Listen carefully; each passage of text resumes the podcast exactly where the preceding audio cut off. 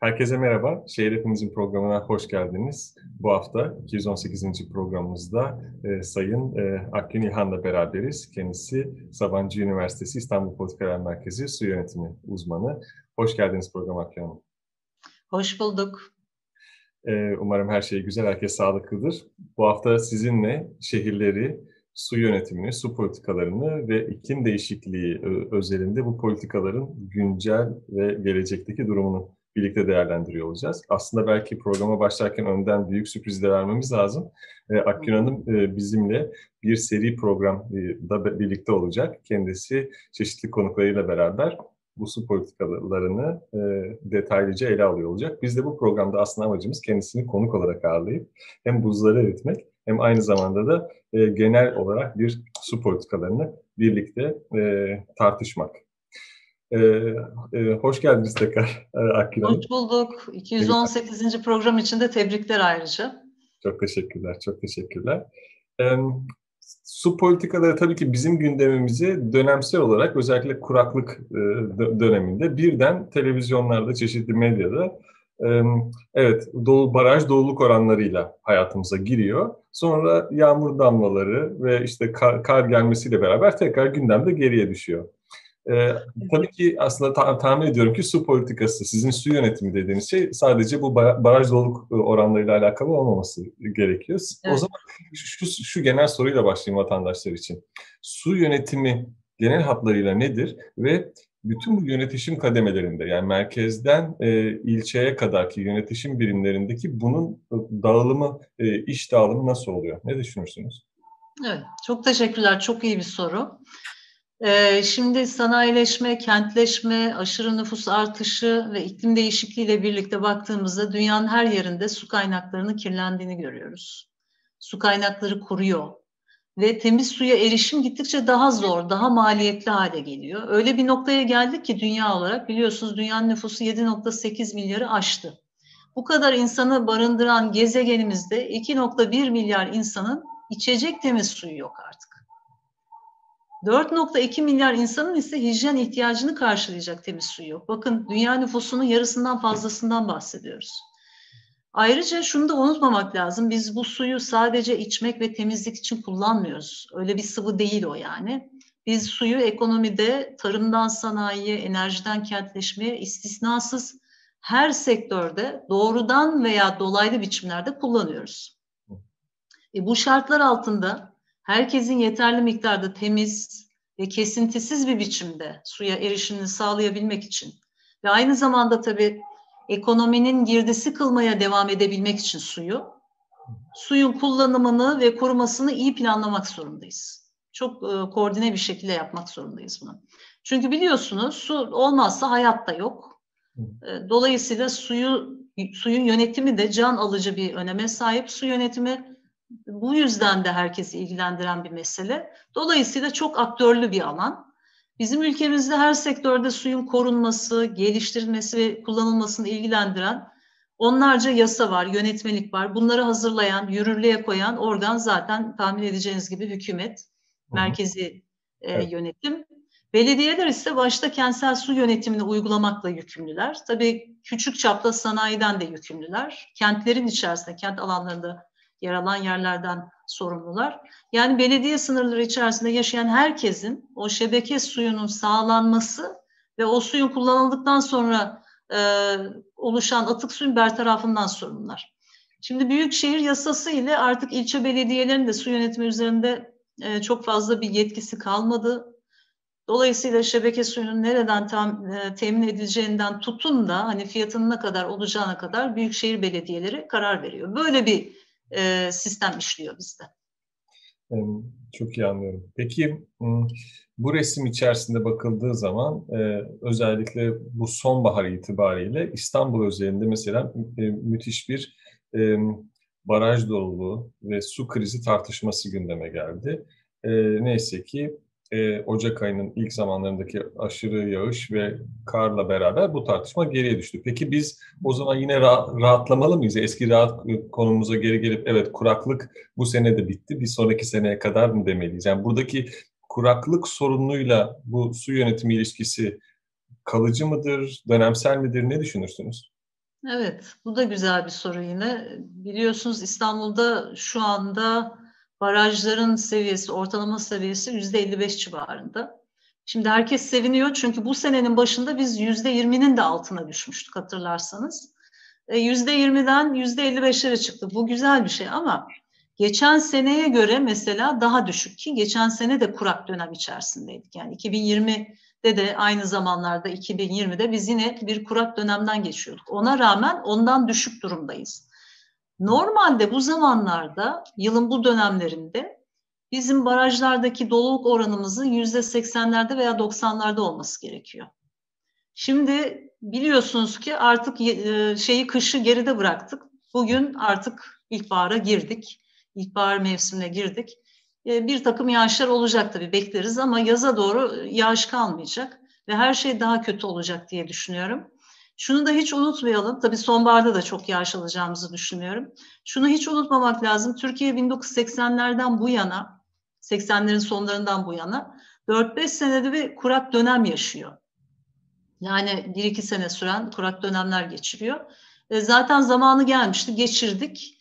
Belki hani e, bu senenin ortalarına doğru bu kurak dönem sona erebilir ama 4-5 sene sonra bizi yine aynı son bekliyor. Dolayısıyla mesele barajların su seviyesinden çok daha öte bir şey. iklim değişikliğiyle ilgili bir şey ve iklim değişikliğiyle hiç uyumlu olmayan su politikalarımız, tarım politikalarımız, enerji politikalarımızla ilgili bir durumu yaşıyoruz biz. O yüzden şimdilik sevinebiliriz ama e, uykuya dalmamamız gerekiyor. Her an tetikte olmamız lazım birkaç damla bizi kurtaramayacak maalesef. Buna bağlı olarak yani şunu mu anlamalıyım? Dörder senede bir, bir e, zaten e, mevsimsel işte sıcaklık dalgası ve kuraklık buna bağlı olarak geliyor ama iklim kriziyle beraber bunun e, fazı mı hızlanıyor? Nasıl oluyor? Böyle oluyor. İklim iklim değişikliği dediğimiz şey zaten yağış rejimlerindeki değişiklik de aynı zamanda. Tabii iklim değişikliğinin başka etkileri de var ama en fazla biz bunu yağış rejimlerindeki değişikliklerle hissediyoruz. Yoksa kutuplardaki buzulların erimesi bizi çok biliyorsunuz görmediğimiz bir şey olduğu için çok fazla etkilemiyor. E, şimdi şöyle bir şey var. 4-5 senede bir kuraklık yaşanıyor ama e, yani iklim projeksiyonları şunu gösteriyor. Gittikçe bu kuraklıklar daha şiddetlenecek. Ve iklim aşırı iklim olaylarına bağlı seller, işte kuraklıklar daha şiddetli bir şekilde, belki daha sık bir şekilde de yaşanmaya başlanacak. O yüzden hani ya 4-5 senede bir oluyor zaten deyip kenara çekilmememiz gerekiyor. Hem iklim değişikliğine uyumlu tarımsal, kentsel e, ve sanayi politikaları geliştirmemiz, e, su kullanımını ona göre ayarlamamız gerekiyor. Hem de tabii aslında iklim değişikliği azaltım politikalarına da ağırlık vermek gerekiyor. Çünkü Bunlar azaltım ve uyum politikaları aslında e, bir madalyonun iki yüzü gibi. Şimdi iklim değişikliği ile ilgili bir azaltım hedefiniz yokken e, sürekli e, karbon emisyonlarınız artarken, iklim değişikliği şiddetlenirken neye uyum sağlayacaksınız? Bu uyum ne kadar sürebilir? Bunu da düşünmemiz lazım. Anlıyorum. Of ne kadar çok boyutlu oldu. Giderek e, his, hissedebiliyorum. E, yine aynı soru üzerinde bir şey daha merak ediyorum. Bu da, e, bu dönemsel olarak yüzde 80-90'larda olmasını beklediğiniz baraj suyu seviyesi e, bir e, aritmetik ortalama mıdır geçen yıllara kıyasla? E, tabii tabii. Yani aslında e, izleyicilerimiz İSKİ'nin sayfasına girdiklerinde, web sitesine girdiklerinde görebilirler. Yani son 10 senenin böyle e, baraj seviyesi ortalamalarını gösteren aynı günde mesela bugün e, bir sene önce, iki sene önce, 10 sene öncesini kadar, gösteren grafikler var. Oradan bakabilirler. Zaten göreceklerdir. Yani ortalama olarak öyle olması gerekiyor. Kurak olmayan dönemlerdeki normal e, su seviyesi miktarı e, bu mevsimde ve mevsimin bu gününde diyeyim size e, normalde 80'ler 90'lar civarında olması gerekiyordu. Anlıyorum. Ama değiliz. Yüzde 55 civarındayız.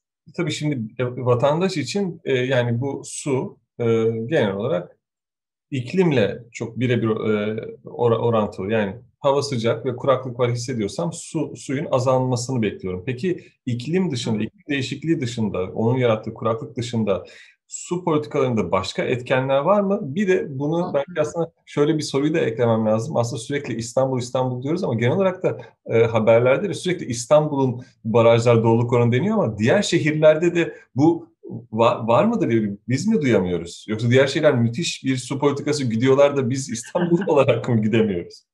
Ben... Yok yok aslında bütün büyük kentlerde geçerli olan bir şey. İzmir'de de yaşandı, Ankara'da da hatta Edirne'de bir ara yüzde üçe indi baraj seviyesi ve üç günlük falan bir e, su kesintisi yaşadılar. Yani aynı dönemde aynı şekilde çok benzer sorunlarla karşılaştık. Zaten boşuna demiyoruz küresel iklim değişikliği diye. Herkesi etkiliyor. Farklı derecelerde etkiliyor ama herkesi etkiliyor.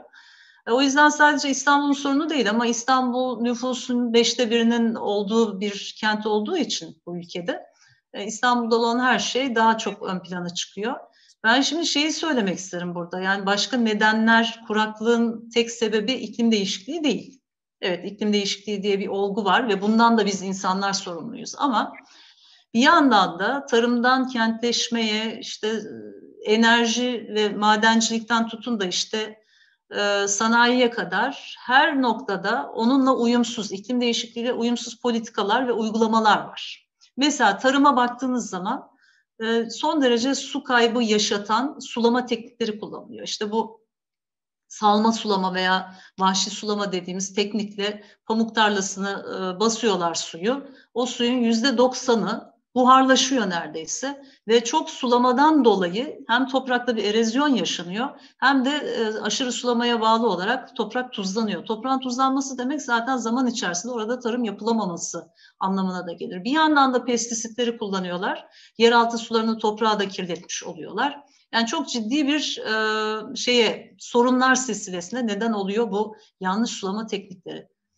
Bunun dışında tabii pek çok e, ülkemizde her şeyin tarım yapılabiliyor aslında ama özellikle bu şeker pancarı, mısır gibi, e, pamuk gibi çok su kullanan türlerin e, tarımının yapılması ve ihracata yönelik yapılması da ayrı bir sorun.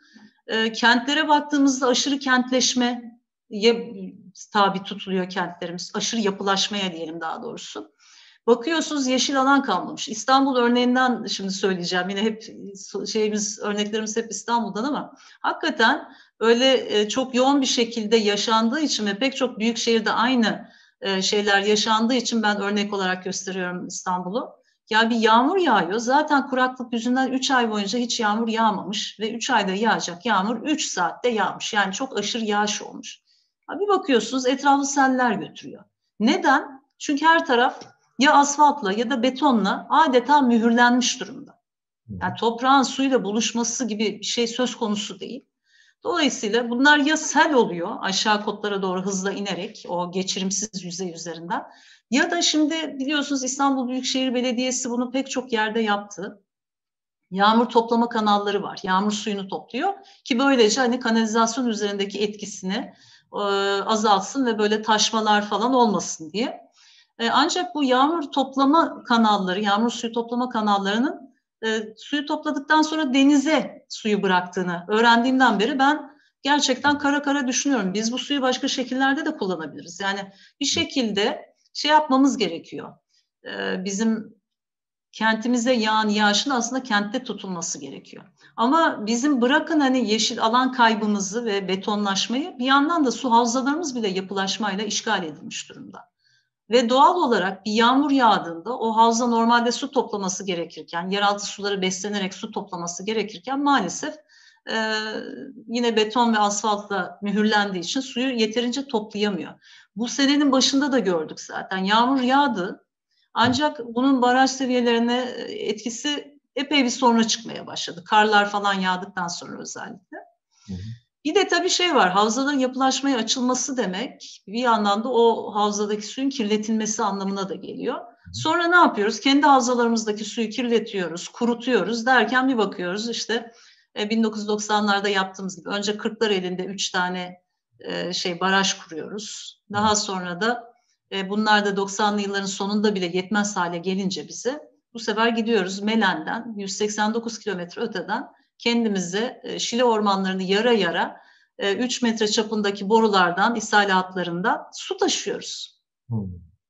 Yani orada yaptığımız e, hem Şile ormanlarında yani bizim kendi su tutan ekosistemlerimizde yaptığımız tahribatın dışında aynı zamanda Melen Havzası'nda yaşayan kırsal kesimin hayatları doğrudan o suya bağlı olan geçimlik tarımını, hayvancılığını o suyla yapan insanların da aslında ekmeğini elinden almış oluyoruz. Ve bu insanlar ne yapacaklar? Bir sonraki aşamada bu toprağını ve suyunu kaybettiği için mecburen kentlere göç ediyor. Genelde de İstanbul'a göç ediyorlar biliyorsunuz. Böylece ne oluyor? İstanbul'un nüfusu daha da artıyor. Çünkü her ne pahasına olursa olsun e, suyu akan bir kent haline getirilmiş İstanbul.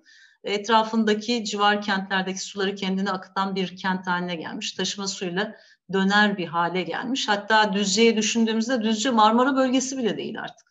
Yani havzalar arası su transferi yapılıyor evet ama bölgeler arası da bir su transferi yaşanıyor İstanbul'da. Sadece İstanbul değil Ankara'da biliyorsunuz Bolu'nun suyunu kendisine taşıyor. İzmir'e bakıyorsunuz Manisa'dan su taşıyor kendisine. E, efendim işte biliyorsunuz Kuzey Kıbrıs Türk Cumhuriyeti'nde Mersin'den e, su taşınılıyor. Dolayısıyla böyle hani bir kendi yani suyuna göre ayağını uzatamayan kent modeli her tarafta böyle yaygın hale gelmiş. E, belki şeyi gösterebiliriz e, ama onu bir şeyde hani çözüm önerilerini de anlatmak isterim. O zaman göstermem daha doğru olur tabii. Ya bu yani çok anlamlı bir e, tartışma yani büyük ihtimalle programımızı aşan bir tartışma edersiniz düşünüyorum. Peki İstanbul'un diğer hani deriz ya hani diğer yakındaki ilçeleri de, illeri de yutan bir yapısı var diye. Aslında evet. ki su politikalarında da böyle bir durum var. Peki bu politikaya kim karar veriyor? Son celsede bu bir yandan da diğer illerin yönetim politikasına da sarkan bir tutum. Evet. Buradaki evet. Bu, bu, bu karar merci nasıl oluyor? Ya bu çok zor bir soru. Yani bunu e, elimden geldiğince cevaplamaya çalışayım. Peşinde olduğum bir soru yani. Bu, buna nasıl karar veriliyor? Tabii ki de bu biraz böyle merkezi hükümetin de İstanbul'u bir marka kent olarak işte her e, halde yükseltilmesi gereken, büyümesi gereken bir kent olarak da e, görmesiyle ve lanse etmesiyle bence çok ilgili. Hı hı. Yani bir yandan da şey var tabii İstanbul'a gerçekten bir nüfus akışı var. Çok ciddi göç alan bir e, şehir. E, dediğimiz gibi işte ülke nüfusunun neredeyse beşte biri burada yaşıyor. E, neden insanlar buraya göç ediyor? Önce bunu düşünmek lazım.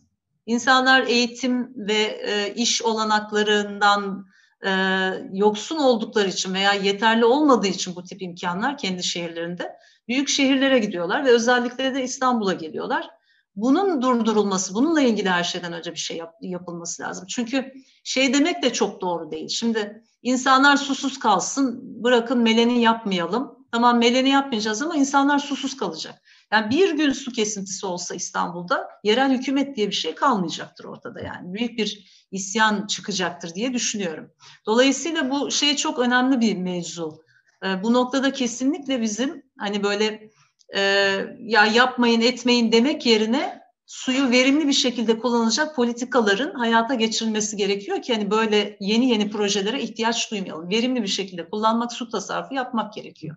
Belki tam bu tartışmayla aslında günümüzü ve geleceği tartışmak da özellikle bu politikaları tartışmak da anlamlı olur. En azından belki öyle bir başlık açmak şu aşamada. Evet. Şimdi hı hı. özellikle iklim e, yani değişikliğinin iyi yönde e, ilerlemeyeceğini, bizi mutlu eden bir şekilde ilerlemeyeceği aşikar en azından önümüzdeki evet. 10 sene için bakıldığı zaman. Böyle bir durumda yani giderek daha kuraklık dalgalarıyla karşılaşacağımız bir durumda şehirlerin nüfusen özellikle metropollerin nüfusen şişeceğini de hesaba katarsak, tarım arazilerin aslında daha fazla e, kişiyi beslemek zorunda olduğunu düşünürsek, bu bağlamda bütün bu kademelerde yani merkezi e, yönetimden başlayan hatta belki vatandaşa kadar nasıl bir politika zinciri uygulamak gerekiyor? Yani tabii ki biliyorum bununla ilgili bir seri dinleyeceğiz umarım ama burada bir belki 5-6 dakikada ya da 10 dakikada belki vatandaşlara en azından evet. bir tanıştırabiliriz büyük başlıklarla.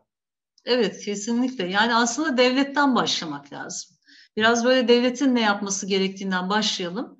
Bir kez her şeyden önce her sektörde su tasarrufuna, su verimliliğine odaklı politikalar üretmek gerekiyor ve hayata geçirmek gerekiyor. Devletin yükümlülüğü bu. En önemli sektör tarım biliyorsunuz çünkü suyun %74'ünü kullanan sektör tarım.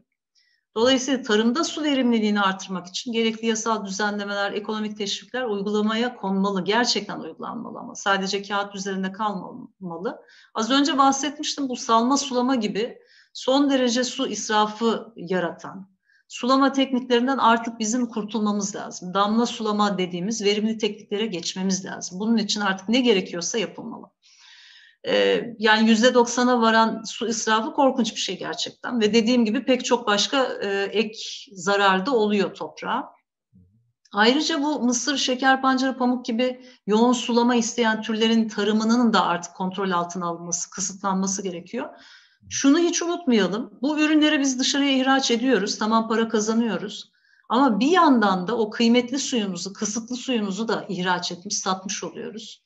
Böyle bakalım artık yani e, çünkü her şeyin bir su ayak izi var. Her bir hizmetin, bir malın üretilebilmesi için aynı zamanda su kullanıyoruz, tüketiyoruz ve kirletiyoruz. Dolayısıyla bunu da hesaba katmamız lazım. Sanayi sektöründe devletin yapabileceği ise biliyorsunuz e, burada en önemli konu su kaynaklarının yoğun şekilde kirletiliyor olması. E, bunun için birinci su kaynaklarının kullanımını en aza indirgemek gerek, indirmek gerek şeyde, sanayide. Yani arıtılmış suyun tekrar tekrar kullanılması gerekiyor ki birinci su kaynaklarının üzerindeki talep baskısı sanayiden en azından azalsın. Arıtılmış atık suyu kullanımı nasıl artıracağız? Onu da işte gri suyun yeniden kullanımı dediğimiz yani sanayideki gri su tabii yani evlerdeki daha başka bir yükle kirlilik yüküyle e, geliyor. Burada daha farklı çok yoğun şekilde kirletilmiş olabiliyor. Gri Ama sanayide efendim Gri su dediğiniz nedir? Belki vatandaşlarımız bu tarif Evet, gri su aslında evdeki kullanımı bambaşka bir şey. Sanayide hani kullanılmış su aslında atık su demek. Atık suyu arıtmak ve tekrar tekrar kullanmak mümkün pek çok sektörde, sanayide. Bunu yapan e, fabrikalar da var. Bunların sadece böyle pilot uygulamalardan öte geçip hani bütün ülkede yaygın hale gelmesi lazım. Bir de tabii sanayi kullandıktan suyu ıı, sonra suyunu doğaya deşarj edecekse o suyu arıtması gerekiyor. Düzgün bir şekilde, doğru bir şekilde arıtmış olması gerekiyor. Devletin de tabii bunu denetlemesi gerekiyor. Yasa düzenlemeler var ama bunların denetiminin e, yapıldığı yapılması konusunda eksiklikler var. E, aynı şekilde kentlere bakacak olursak şebeke suyu kayıplarının azaltılması için yönetmelikler çıktı. Ama bunlar ertelendi. Yani yüzde 25'e indirmek gibi kayıp e, su kayıp ve kaçaklarını şebeke suyunda yüzde 25'e indirmek, yüzde 30'a indirmek gibi hedefler konmuştu yönetmelikte. Aslında bakın çok yüksek bir şeyimiz var bizim su kayıp ve kaçağımız var. Ee, Türkiye'deki şebeke suyunun yüzde 44'ü maalesef daha biz musluklarımıza gelmeden, bizim musluklarımıza gelmeden yolda e, sistemdeki e, borulardaki patlaklar, çatlaklar işte e, depolama alanlarındaki sızıntılar gibi sebeplerle, fiziki nedenlerle kaybediliyor. Suyun ancak yüzde 56'sı bizim musluklarımıza gelebiliyor. İnanılmaz. Yani diğer Böyle. ülkelerle kıyasladığınız zaman bu rakam olan mıdır yoksa olan Hiç olan değil. Hiç olan değil. Bu da bu hatırlatmayı yapmanız çok iyi oldu. Şimdi gelişmiş ülkelerde bu yüzde 10-20 arasında değişiyor. Ama şehir bazında bakarsak mesela Berlin'de bunu yüzde beşe indirmişler. Düşünün yani yüzde beşi sadece kayıp kaçak olarak nitelendiriliyor. Demek ki bunu yapmak mümkün. Ama bunun için tabii yerel yönetimlerin de bu işi çok ciddiye alması lazım. Şimdi yerel yönetimlere düşen e, şeyler de sorumluluklar da şunlar. Dediğimiz gibi her şeyden önce bu kayıp kaçakları indirmekle sorumlu birim burası.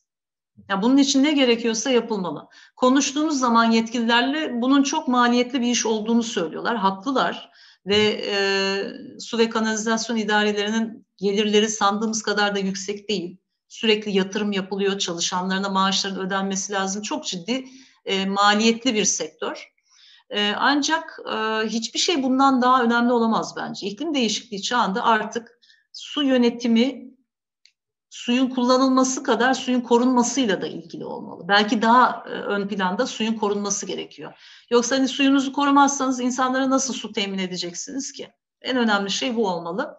E, şu anda İstanbul'da yüzde 23 civarında bunun e, yüzde 10'a kadar indirilmesi mümkün. Ama tabii bunun bir maliyeti olacak ve bu maliyetin her şekilde bence büyük bir kararlılıkla göze alınması ve yapılması gerekiyor. Bununla ilgili bir birim de kuruldu zaten mesela İSKİ'de. Güzel çalışmalara başlanıyor.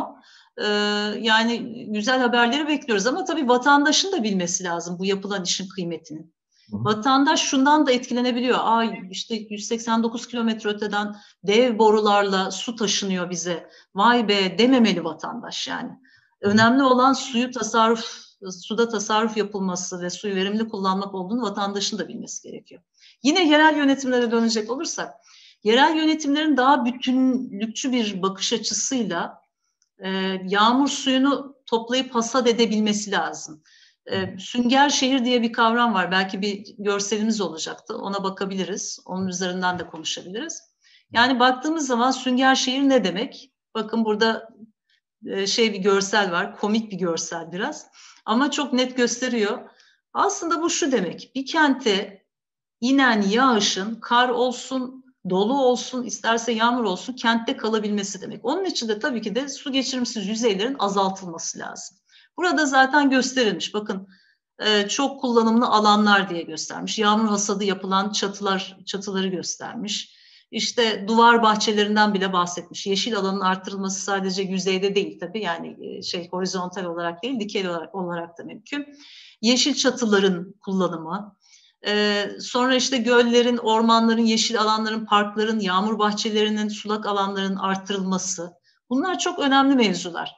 Şimdi bunları yaptığınız zaman bir kente inen yağış sadece kentte kalmıyor ve yeraltı sularını beslemekle kalmıyor. Aynı zamanda hem yeryüzü sularını, yüzey sularını, barajlarımızı etkiliyor. Hem de o kentin biyoçeşitliliğini artırıyor, kuvvetlendiriyor ve COVID-19 gibi krizler karşısında bizi daha dirençli hale getiriyor. Bence insanların akıl sağlığı için de çok önemli yani. Yürüyecek, bisiklet sürecek yerlerimiz çok az İstanbul'da. Kişi başına düşen yeşil alan e, benim bildiğim kadarıyla 7 metrekare. E, daha yüksek olması lazım bunun aynı şekilde. O yüzden yerel yönetimlerin aslında su yönetimini düşünürken yeşil alan yönetimiyle birlikte düşünmesi gerekiyor.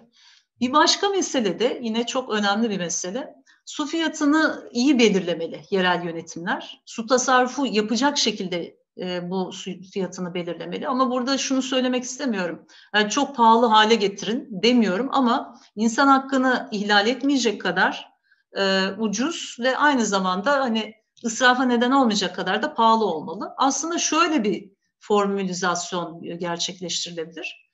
Dünya Sağlık Örgütü Birleşmiş Milletler zaten belirlemiş bir insanın e, günde 50 ile 100 litre arasında su kullanabilmesi lazım ki hani su hakkı var bu insanın diyebilelim. Böyle bir e, sınır belirlenmiş.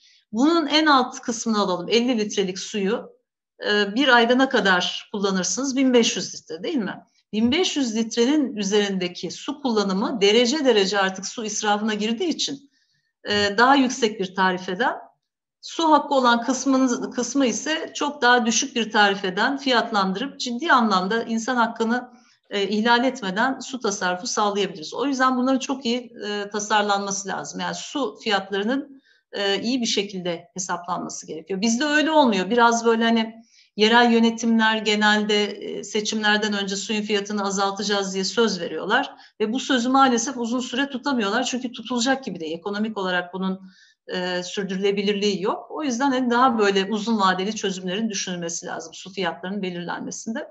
Bir de tabii şey olmalı.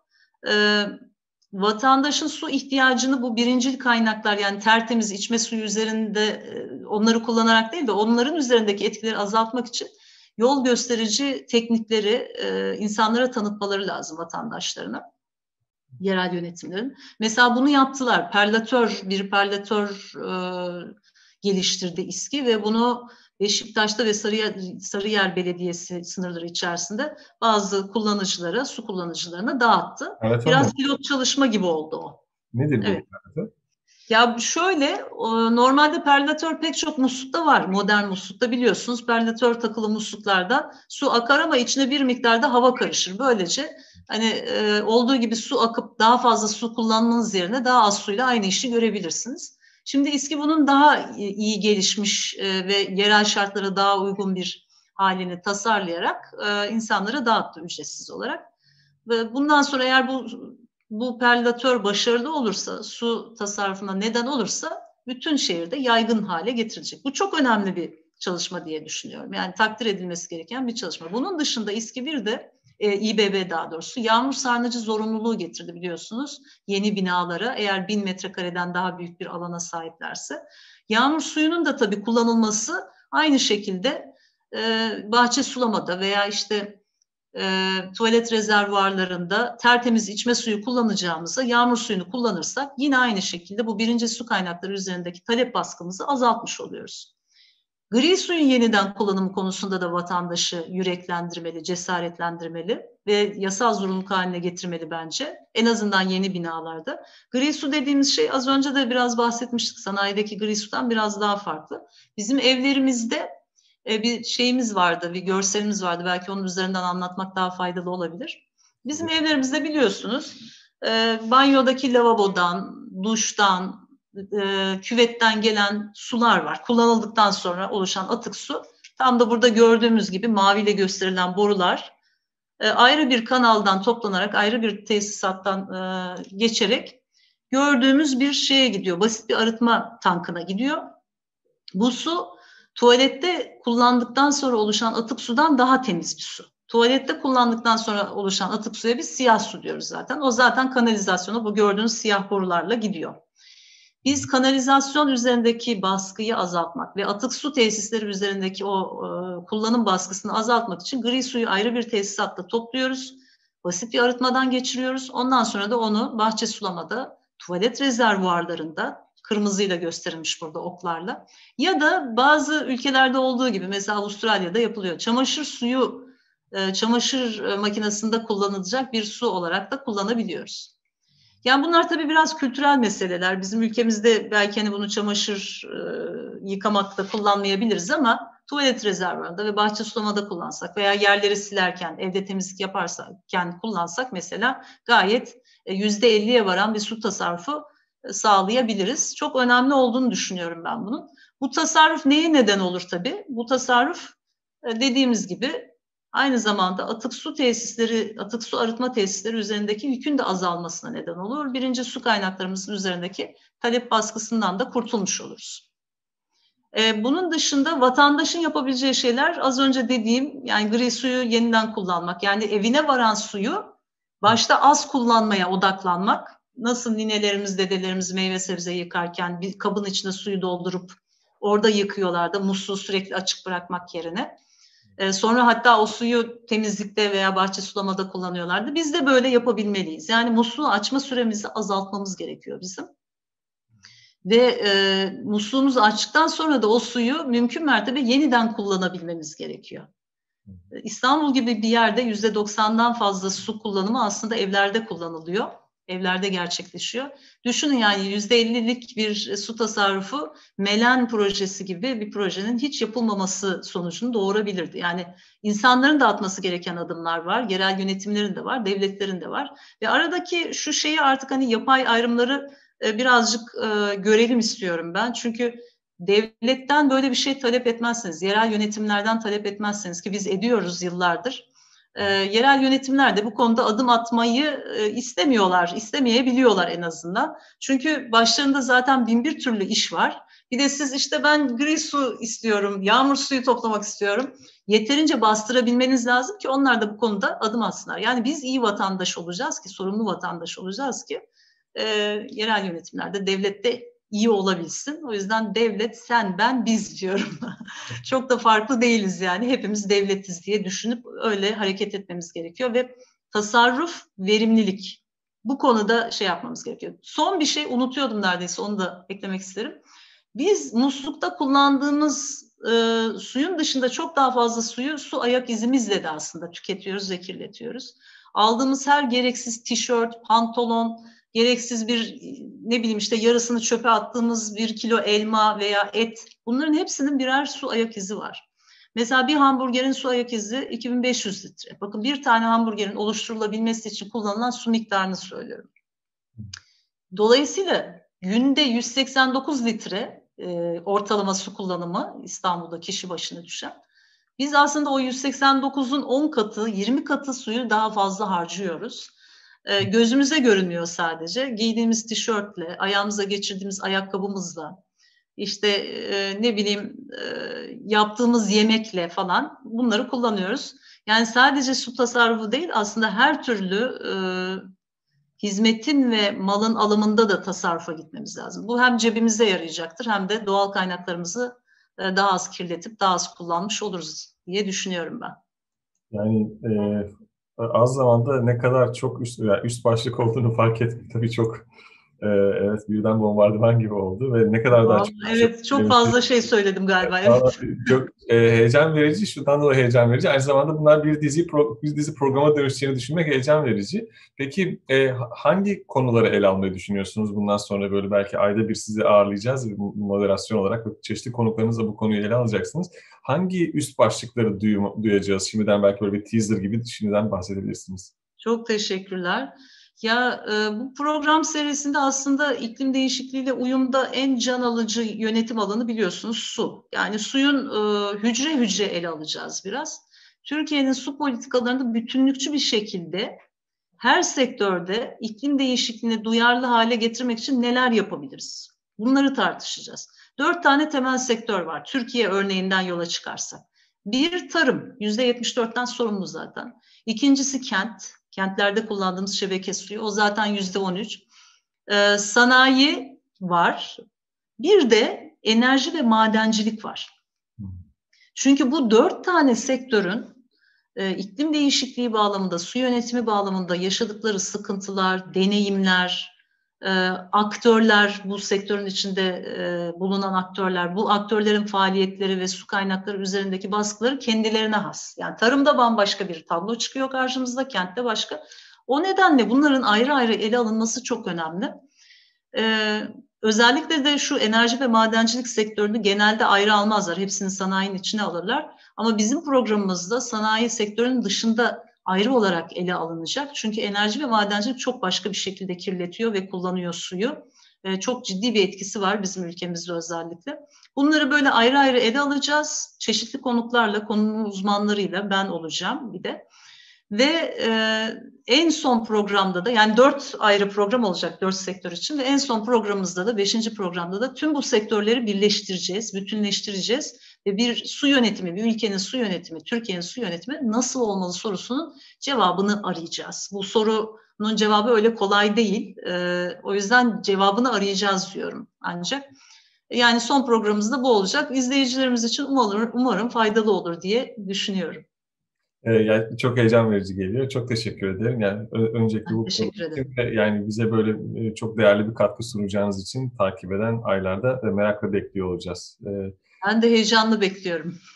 Çok teşekkür ederiz bu hafta bize zaman ayırdığınız için. Ee, daha çok görüşmek dileğiyle diyorum. Ve tekrar değerli sözleriniz, değerli katkınız için teşekkür ediyorum. Evet, e, bu haftada programımızın sonuna geldik. E, önümüzdeki hafta yine başka bir konuyla, başka bir konukla e, Şehir programında burada olacağız. Önümüzdeki haftaya kadar bizlerle e, iletişime geçmek isterseniz İstepimizin sosyal medya hesaplarından e, ulaşabilirsiniz bizlere. E, iyi haftalar, e, sağlıkla kalın.